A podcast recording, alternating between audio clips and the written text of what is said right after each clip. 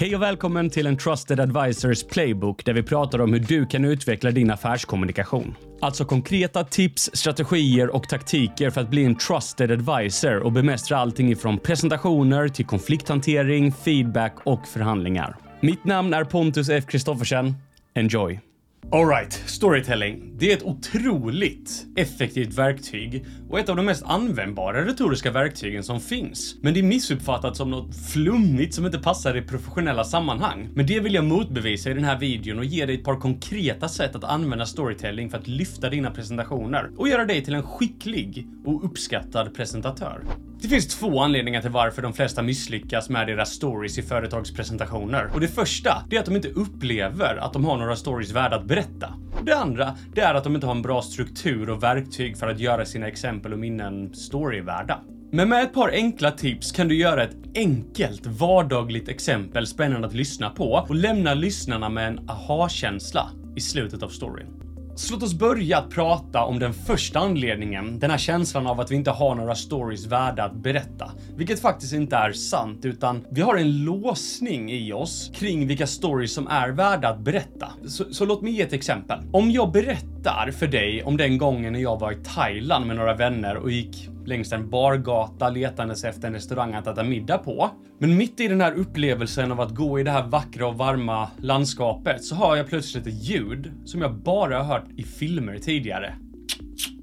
Och jag ser hur en man precis bredvid mig laddar en pistol, riktar den mot en kille på andra sidan gatan och skjuter honom. Nu tänker inte du, just det, jag kommer ihåg när jag bevittnade en skjutning på nära håll. Eller jag hoppas åtminstone inte det. Poängen är att berättelser som fungerar i företagssammanhang, det är inte de helt osannolika upplevelserna, utan det är de små sakerna som händer varje dag. Saker som vi kan relatera till. Så vi alla har stories som är värda att berätta. Problemet är att vi inte vet hur vi ska strukturera dem för att göra ett exempel eller ett minne spännande att lyssna på. Vilket leder in oss på anledning två. Hur gör vi ett exempel eller ett minne värt att berätta och intressant att lyssna på? Inom storytelling kallas det här för att måla upp konflikten eller att höja insatsen. En bra story har alltid en konflikt, men det betyder inte att det alltid måste vara två personer som bråkar, utan det betyder att det finns motsägande intressen. Något måste hända för att situationen ska lösas. Här är en story av en eh, Hollywoodfilm utan konflikt. Det var en gång ett lyckligt par som bodde i en stor fin villa vid stranden. De älskade varandra, de hade fantastiska vänner och ett härligt liv. Sen fortsatte deras liv vara härligt och glädjefullt. De fortsatte att älska varandra och filmen slutar med att de fortfarande älskar varandra och lever ett härligt liv. Det blir väldigt tråkigt, eller hur? Här är samma story med lite konflikt kryddat i sig. Det var en gång ett lyckligt par som bodde i en stor villa vid stranden. Men utan förvarning så kom en orkan som inte bara rev ner huset utan satte kvinnan i koma. Efter lång väntan så vaknar hon mirakulöst upp och när hennes man kommer och hälsar på henne så känner hon inte igen honom. Det är för henne som att de aldrig har setts. Och det här är början av resan för mannen att få kvinnan som han har älskat i tio år att börja älska honom igen. Nu finns det spänning här, eller hur? Hur ska han lösa det här? Kommer han lösa det här? Och det är frågor som de här som får oss att fortsätta lyssna. Hej Pontus här. Jag vill bara komma med en snabb rekommendation att om du gillar det här innehållet, se till att lägga till mig på Youtube och LinkedIn där jag delar med mig av den här typen av innehåll i korta och lärorika klipp. Tillbaka till avsnittet. Det finns två typer av konflikter. Nummer ett är två personer som vill ha olika saker och om den ena får som den vill så får den andra inte som den vill. Tänk till exempel eh, Lejonkungen och konflikten mellan Simba och Scar som båda vill vara kung. Det är bara en som kan vara det, så de har en konflikt. Konflikttyp nummer två, det är en person som ställer sig för en utmaning som är svårlöst. Tänk som det exemplet jag precis gav med kvinnan i koma och mannen som ska få den här kvinnan att älska honom igen. Det är inga direkta motsägande intressen, det är ingen direkt rival, utan det är en utmaning som en person ställs inför och behöver hitta en lösning på. Båda de här konflikterna triggar samma typ av fråga. Vad kommer hända? Och så länge lyssnare ställer sig den frågan så kommer de ivrigt hålla fokus på det du säger. Så för att konkretisera det här och för att du enkelt ska kunna måla upp konflikten i dina exempel och stories så kommer här mina två favorittips som är otroligt effektiva för att få folk att vilja fortsätta lyssna. Det första, det är att höja insatsen.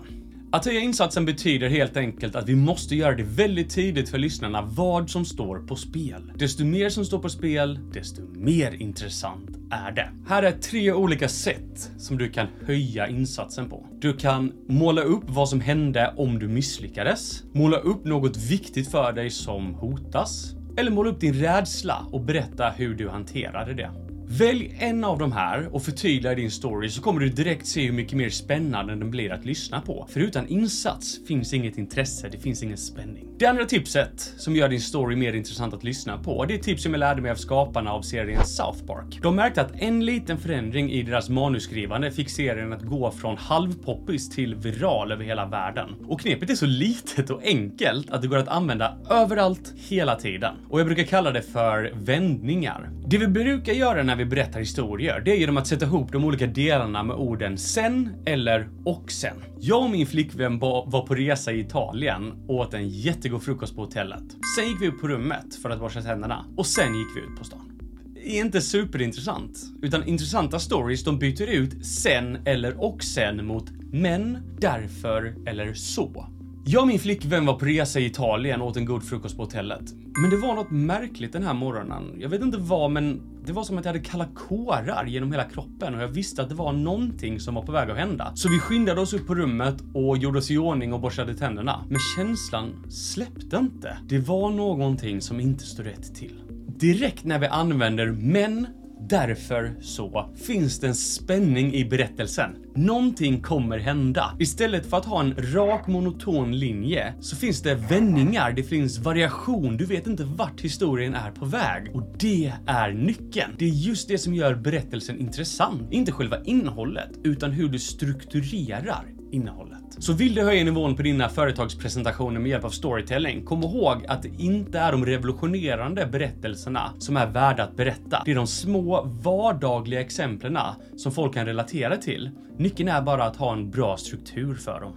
Så kom ihåg att nummer ett, få fram konflikten och trigga frågan vad kommer hända? Nummer två, höj insatsen och få dem att känna att det är mycket som står på spel. Och nummer tre, använd vändningar genom att byta och sen till men, därför så, för att hela tiden hålla spänningen igång och intresset högt. Så det var allt för det här avsnittet.